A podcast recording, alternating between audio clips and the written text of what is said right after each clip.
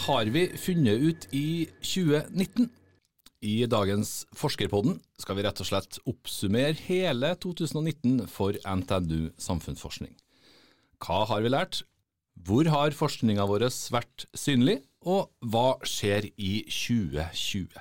Navnet mitt er Vegard Smevold. Forskerpodden er NTNU samfunnsforsknings egen podkast, sendt fra Dragvoll i Trondheim. Til denne spesialsendinga, nå like før jul, så har vi eh, toppa laget, rett og slett, med ikke mindre enn eh, tre gjester. Biolog og romforsker Irene Karoliussen, er du på plass du, eller? Hei, hei.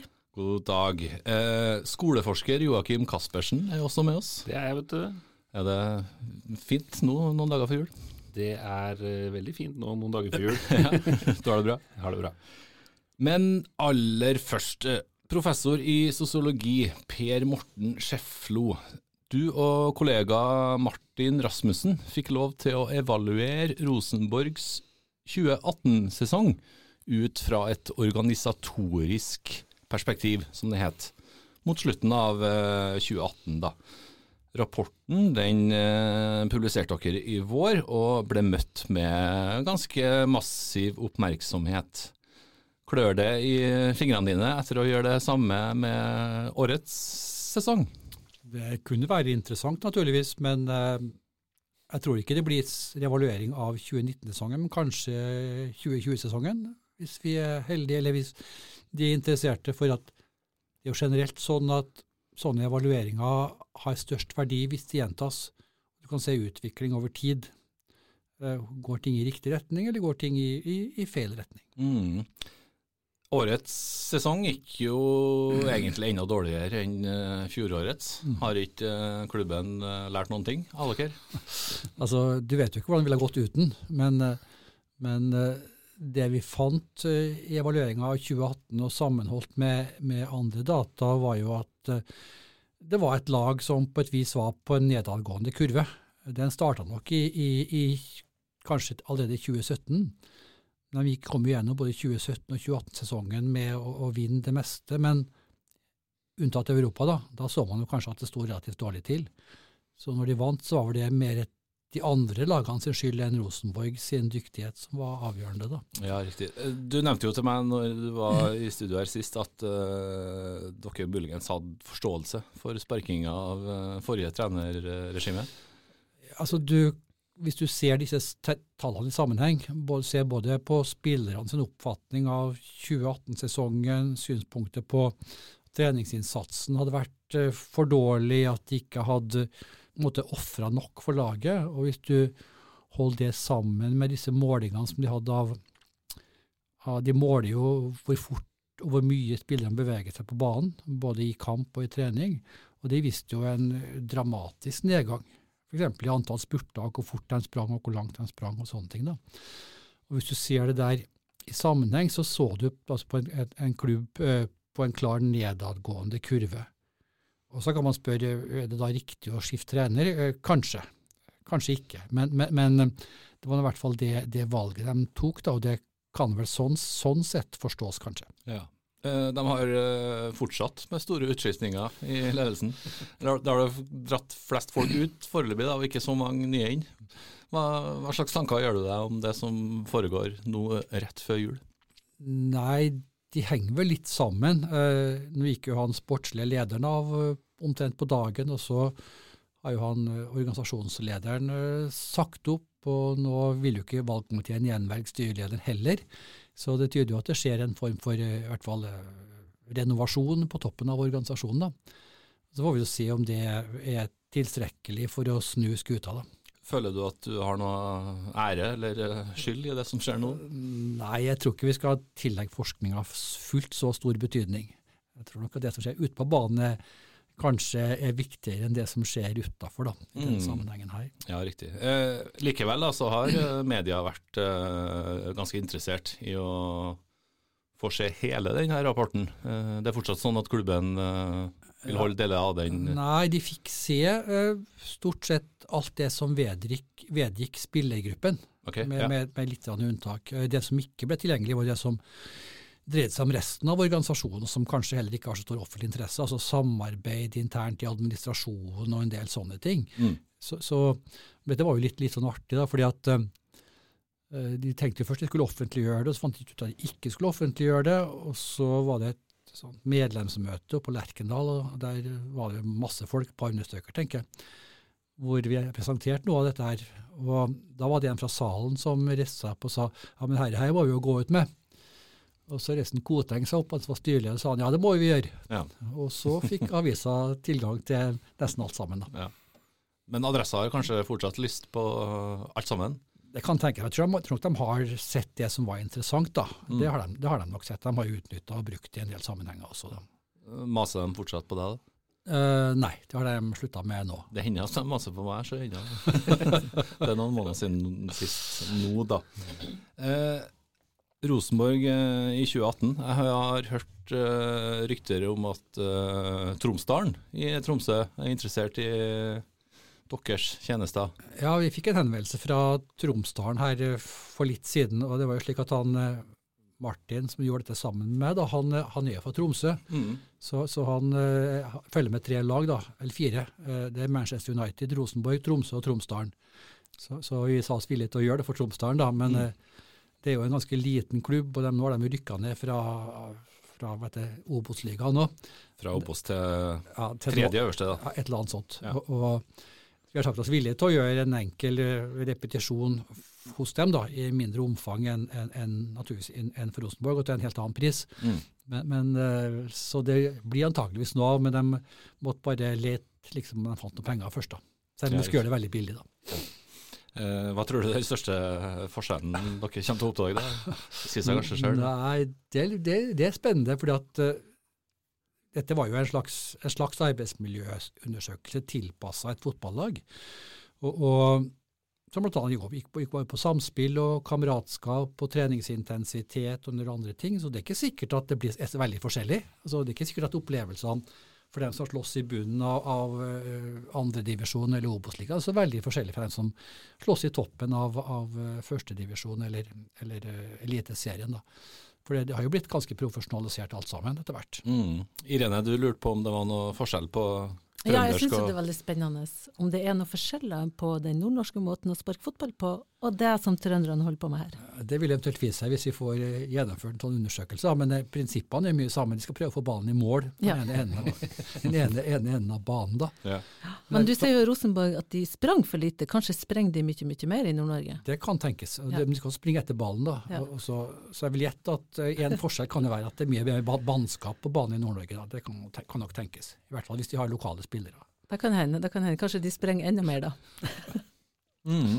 Eh, hva har eh, ellers vært eh, din avdeling Studio Aperturas viktige prosjekter i 2019? Vi har jo hatt prosjekter på veldig mange områder, Mm. men vi har hatt ganske stor innsats på havbruk. Mm, mm. Ulike, aspekt, ulike aspekter ved havbruk også i et internasjonalt komparativt perspektiv. Da. Ja. Og det å se også på havbruket som, som organisasjoner, Mm. altså hvordan de utvikler organisasjonene, og, og hvordan de forholder seg til omgivelsene, forholder seg til medier og myndigheter og sånne ting, det, det er jo et stort og, og, og, og viktig felt. For havbruket er, en av de, er jo den, den næringen i Norge som vokser raskest for, for tida, og som har etter hvert et ganske stort, ganske stort volum. Så der har vi mye. Så har vi hatt en god del interessante ting på eh, bygg og anlegg, Mm. på, som også næringer som, har, eh, som, som er omfattende, og som har mange, mange interessante, interessante utfordringer. Eh, Så har vi også en god del forskning på sikkerhet og sikkerhetsproblematikk, som vi har drevet med, i mange år. Mm. Og så er det jo en litt sånn assortert landhandel, så det ryr jo inn mye rart. da. Ja, så bra. Det, det sies jo at uh, robotene tar over uh, mer og mer av uh, arbeidsplassene våre. Mm. Når eh, får vi elleve perfekte roboter som ikler seg den eh, hvite Rosenborg-drakta? Ja, sånne spill finnes jo allerede. Det gjør jo det. Kalles for Fifa-spill eller Ja, annet sånt. Jeg er snart 40 år, jeg, jeg aner ikke. I hvert fall innenfor varehandel, så, så kan vi jo se nå at du kan gjøre alt alene på butikken. Ja, ja og det, det er jo en del interessante ting dette her, hvis vi skal være litt seriøse. Eh, Mm. Mm. Og det er jo at det som kan robotiseres, er jo i veldig stor grad det som er mest rutineprega og enkelt. Mm, mm. Mm. Altså som- hvor, hvor yrkesutøvelsen ikke krever veldig mye skjønn.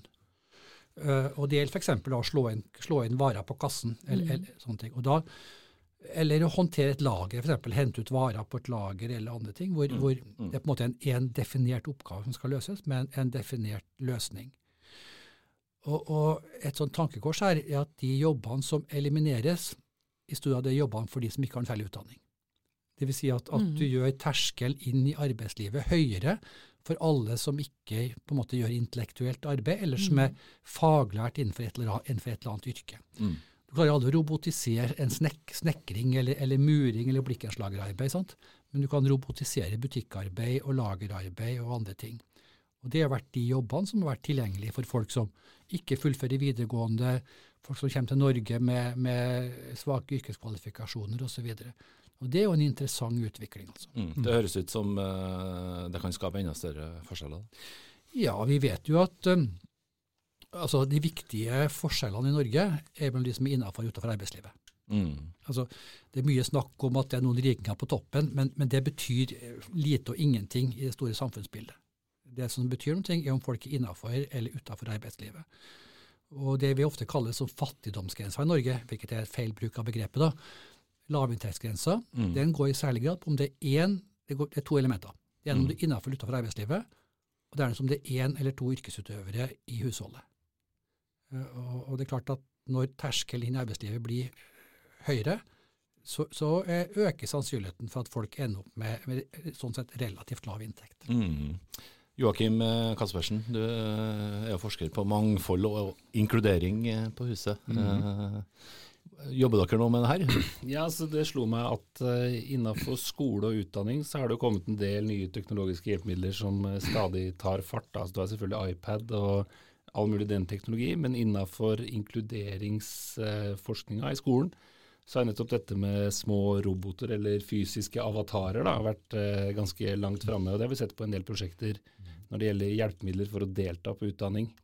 Eh, typisk barn som ligger på sykehus eh, eller, ikke, er- eller er forhindra fra å komme på skolen, blir representert i klasserommet med en liten eh, Det er vel ikke riktig å kalle det en robot, men det er vel mer en slags avatar. Da, altså Ja, en, riktig. Mm. eh, men som er øyne og øre for den eleven og inkluderes i klasserommet. Så Det slo meg at det var en parallell eller en motsatt eh, sammenheng mellom inkludering og ekskludering og teknologi her. Ja.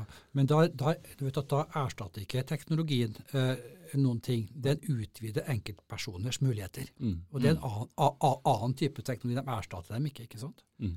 Så, så teknologi har jo, har, har jo sånn Det er ikke, på en måte ikke én type effekter, det er veldig mange typer effekter av teknologi.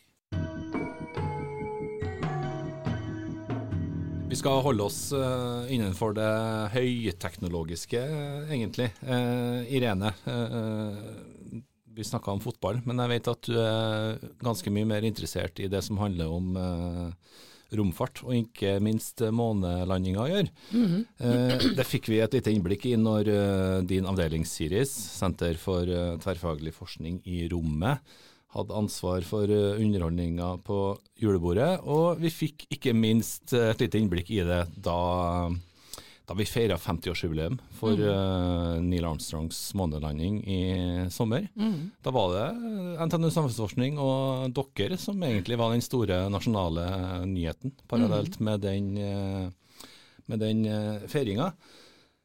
Hvordan var det å bli intervjua av TV 2 Nyhetskanalen på direkten, Og midt i jo sommerferien din?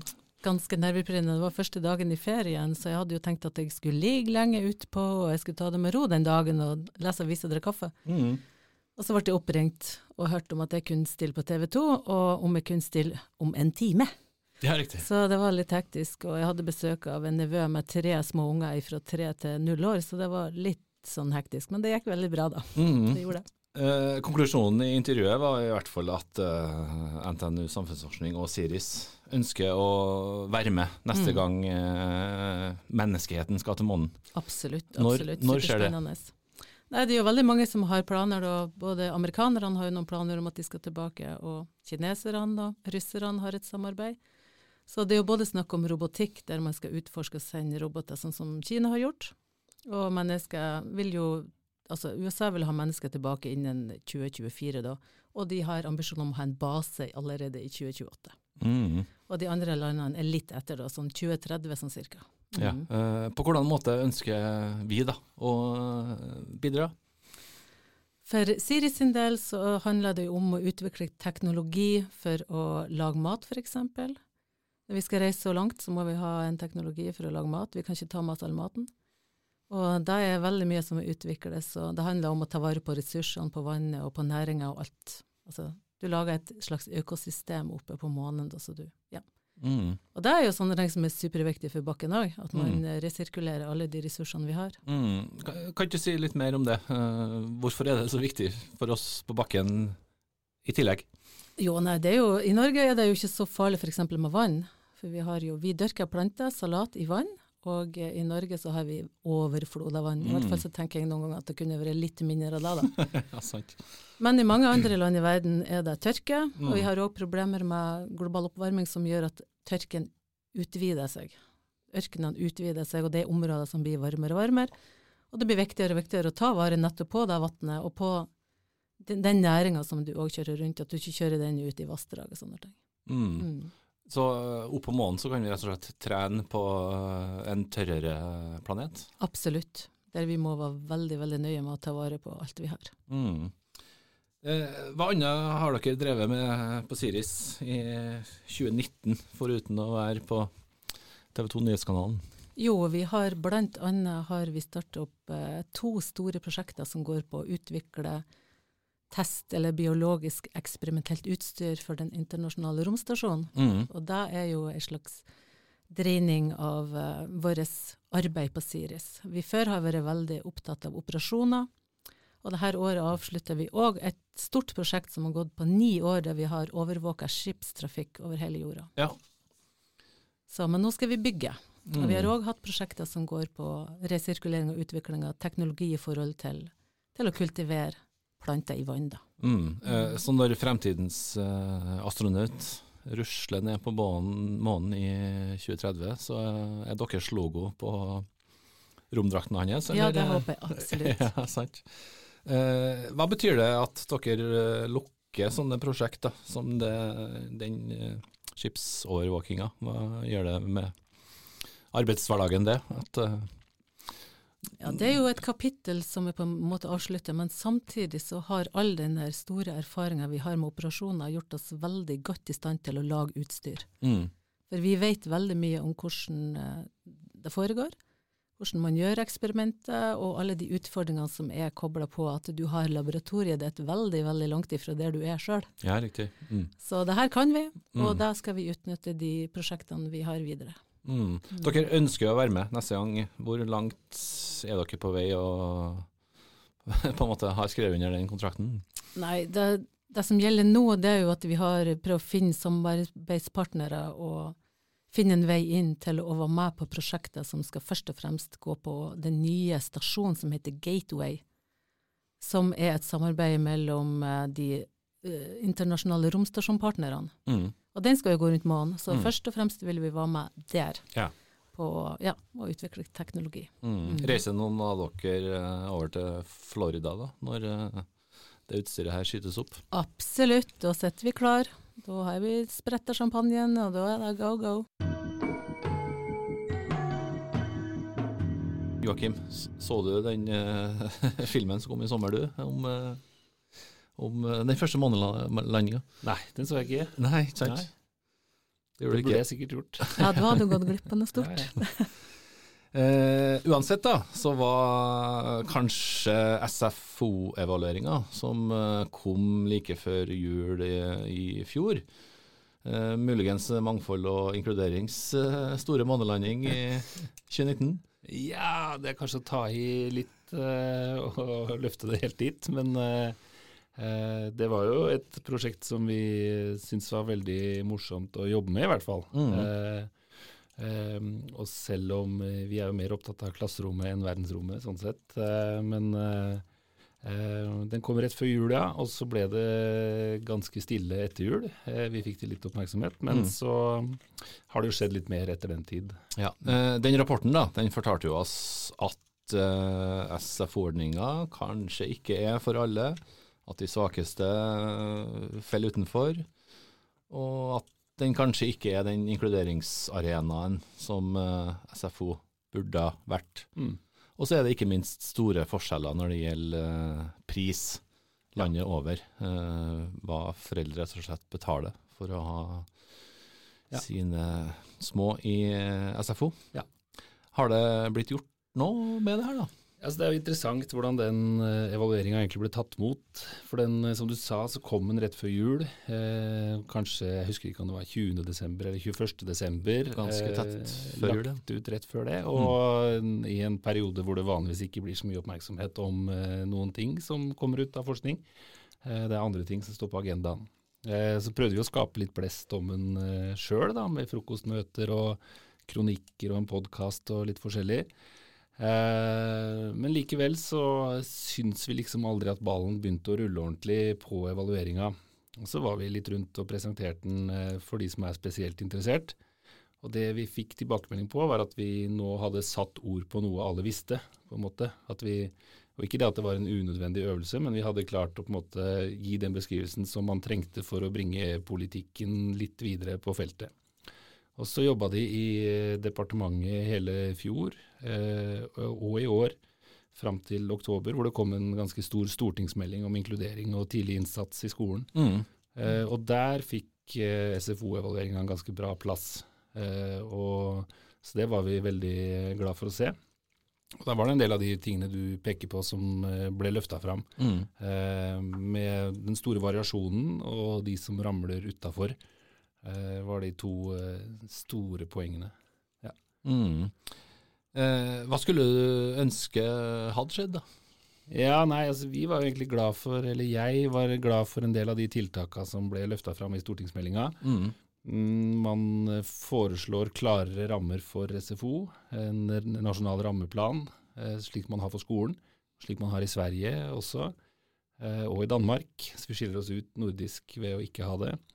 Man foreslo en eh, ny finansieringsordning, hvor man også sørger for at de med dårligst råd får eh, eh, moderert eh, prisen, i hvert fall. Eh, og slik at det slår ut ganske jevnt eh, på landsbasis. Det syns jeg var viktige tiltak. Så kunne man gjort ordningene romsligere og fått med flere. Det man har valgt er vel en løsning som hjelper de aller fattigste, altså de som har aller dårligst råd. Mm. Mens f.eks. i barnehagene så har man lagt seg på en moderasjonsordning som gjelder over hele landet, og en fast pris som er eh, Jeg skal ikke si at den er sjenerøs, men den treffer mye breiere i hvert fall. Mm. Så forskning eh, hjelper?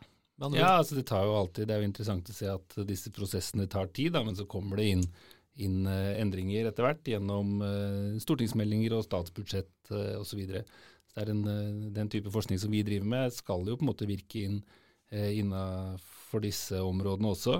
Eh, og det er fint å se at det etter hvert eh, kommer inn, da. Mm. Jeg lurer på det her, Ja. det er de SFO-ene dere undersøkte, var det, Ja. var det hele landet, eller? Ja, vi hadde, en, vi hadde veldig mange forskjellige datakilder, da. Så vi Mm. gjorde brede spørreundersøkelser over hele landet.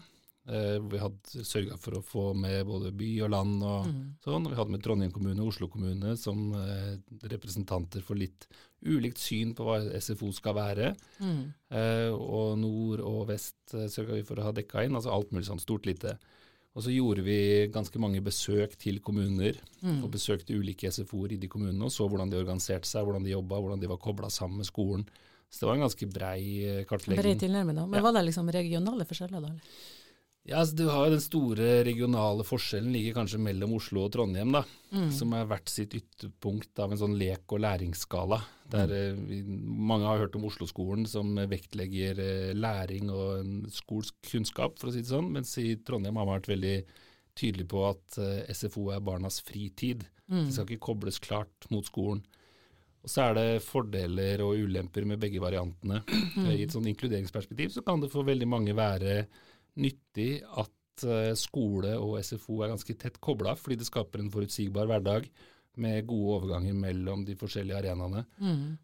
Så slik at den vektlegginga man har av eh, at barnet skal få velge hele tida, sånn, kan også være med på å skape utfordringer da, i modellen man har. Men var, det- var det liksom vanskeligere for de ungene å bli integrert, de som Ja, hvis- altså det, hvis du tenker på at de måtte leke, at de ikke hadde den forutsigbarheten, var det, var det, ble det vanskeligere for de svakere ungene? Eller Ja. de ungene som skulle integreres? Ja, Vi gjorde en, eh, en egen undersøkelse til eh, foreldre med barn med særskilte behov. Mm. Altså gjennom Handikappede barns eh, forening. Mm. Eh, og da så vi at eh, en del av svarene vi fikk der, tyda på nettopp det. Og det var en del som sa at de rett og slett valgte bort nærskolen til fordel for spesialskole.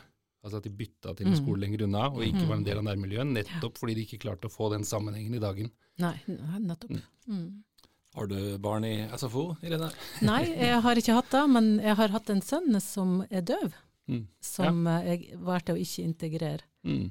i normalskolen. Ikke sant. Og det var mest på grunn av at det var en åpen skole, at det var ingen rom der du kunne ha egne grupper. Det, Mm. var, det, det er veldig problematisk å åpne skole når du har et hørselshemmet barn. Så jeg valgte ei spesialskole for han. Mm. Mm. Hva blir eh, neste skoleprosjekt fra dere på mangfold og Ja, det er veldig interessant eh, det Irene sier her nå. Da. Vi har jo bl.a. et prosjekt som heter Inkludering på alvor. Ja. Der vi ser nettopp på den type utfordringer i skolen. Hvordan man kan lage skoler som eh, Ivaretar er- alle, ja. Ivaretar Mm. alle mm. elever. da. Ja. Og et uh, argument eller en påstand vi kanskje kommer med der, og prøver å resonnere oss fram til, er at det er skolen vi må endre, ikke alle støttesystemene rundt. Mm. Uh, Så nettopp det her med skolens struktur og organisering, hvem som gjennomfører undervisninga, hvordan rommene er utforma, Mm. blir veldig viktig. Eh, De har jo helt klart bygd de åpne skolen fordi at de spare, skal spare penger, ikke sant? Sånn at det har jo vært en trend. Det er veldig mange åpne skoler.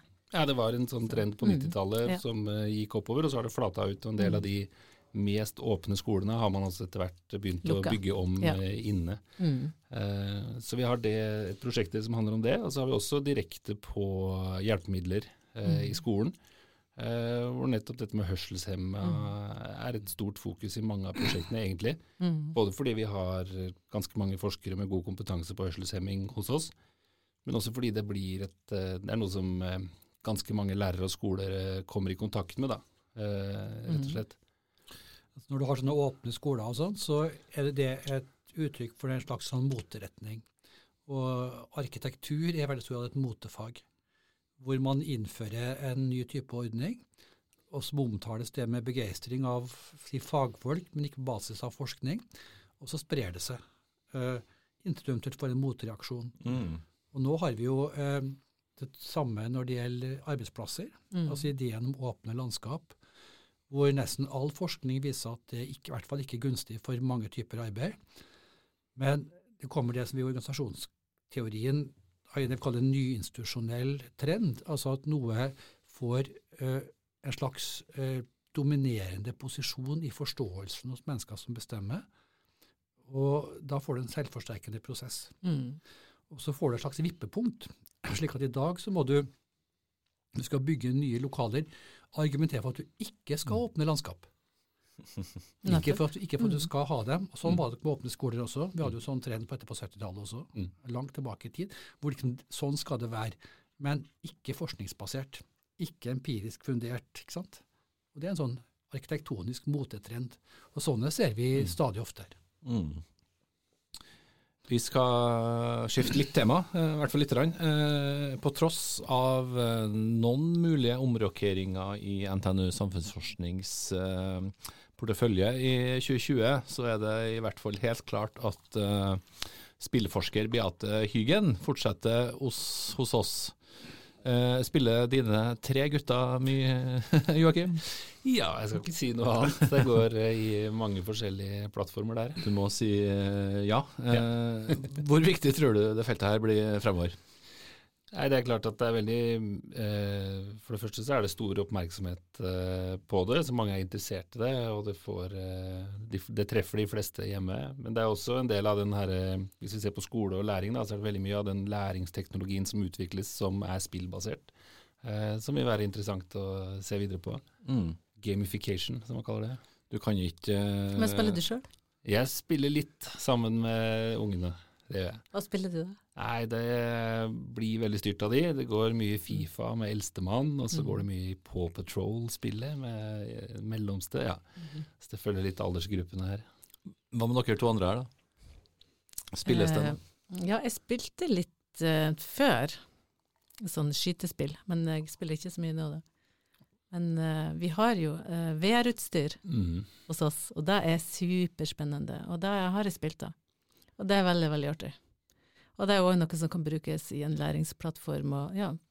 og det kan òg brukes faktisk av astronauter for å øve på ting som de skal gjøre når det er, ikke, når det er vektløshet. Mm. Mm. Det er vel ingen av dere tre som sitter her i rommet som kan eh, se totalt bort ifra temaet, i hvert fall. Eller Per Morten? Uh, nei, altså, i hvert fall hvis du ikke ser på hvor mye tid som brukes i dette, og mye ressurser som legges inn. Så det er klart at, eh, at dette er en interessant utvikling. Og du ser jo en parallellitet også i kanskje særlig hvordan unge mennesker lever sitt, sitt sosiale liv på digitale medier. Mm. Og Dette er noe som har skjedd veldig raskt, og som har endra livet på veldig, veldig, veldig mange områder. Mm. Og som vi vel i noen grad ser konsekvensen av, men hvor det også er veldig mye interessant forskning som, som ligger foran oss. Mm. Eh, I tillegg til dere som eh, sitter her i studio og representerer deres tre avdelinger, så eh, er også NAPA, som er Nasjonalt kompetansesenter for eh, psykisk helse, under eh, NTNU samfunnsforskningsvinga. eh. De feira ti år i 2019 fra sine kontorer i Statens hus ned i sentrum. Til sammen så er NAPAs nettartikler eh, lest eh, over én million gang i 2019. Og de styrka sin posisjon som verdifull hjelp for eh, landets kommuner. Eh, de har bl.a. blitt enda bedre på det som har med rus og psykisk helse å gjøre. Eh, Joakim, hvor mye får du med deg av det de andre avdelingene på huset jobber med? Nei, Det er jo varierende. Eh, vi prøver jo, eller Jeg prøver å følge med litt. og Akkurat når det gjelder NAPA, så har iallfall eh, vår avdeling en del prosjekter og samarbeid sammen med de. altså Fordi det tangerer eh, våre felt når det Mm. gjelder en del av det. Og eh, med Studio Apertura har vi også en del prosjektsamarbeid på forskjellige områder. Så det er, jo, men det er jo særlig de prosjektene vi faktisk samarbeider man har mest kontakt. Mm. Astronauter eh, de er nødt til å være hjemmefra ganske lenge, Irene. Eh, Mm. Hvordan har det temaet her eh, vært inne i, eh, i romfarten? Nei, altså jeg tror jo før så var det, var det mer snakk om at uh, astronautene skulle kunne være en pilot. Så de var ikke så opptatt av det psykiske og alt det der som Nei. omhandler det. da. Så det er klart at den forskninga har jo blitt mer og mer viktig for han som var et helt år på den internasjonale romstasjonen. De, alle de resultatene har man jo ikke fått mer Nei, eh, fått fram ennå, da. Så det vil jo komme etter hvert. da. Mm. Men vi har jo hatt noe samarbeid med Studieapertura f.eks., som går på det her med operasjoner og hvordan menneske-maskin-interaksjon som Ja, man kan jo også snakke om f.eks. gaming òg, da. Det er jo, altså, hvordan mennesker samhandler med en maskin, er jo noe som blir viktigere og viktigere. Mm. Det vil jeg tro. Takk til Per Morten Skjeflo, Irene Karuliussen og Joakim eh, Kaspersen. Hva skal dere tre gjøre i jula? Du leser faglitteratur som vanlig. Ja, selvfølgelig. Sant? Nei, det blir, vel ribbe, da. Det, snak, det snakkes jo en del om at uh, hvor flink man er til å legge unna arbeidet. Det er det jula handler om. Mm. Eh, hvordan er det med dere der? Ja, altså jeg har egentlig tatt juleferie allerede. Eh, og så er det skjønt, etter å ha hørt på en del podkaster, så er det veldig vanlig å si at man avbryter ferien for å spille inn podkast. Eh, så hvis eh, podkast er en del av jobben, så har jeg vel starta dårlig med den ferien. Ja, det er jobb, det her. Hva med dere andre? Er det Nei, det blir ganske rolig, tror jeg. Det blir jo selvfølgelig god mat. og Håper jeg kanskje jeg får gå litt på ski hvis det kommer snø. Så, og så er det nå prøve å få ungene bitte litt bort fra alle spillkonsollene, så de kan kommunisere litt med mora si. mm. Leste du krim eller faglitteratur? da? Nei, det er mye krim, da. Mm. Hva med deg, Per Morten?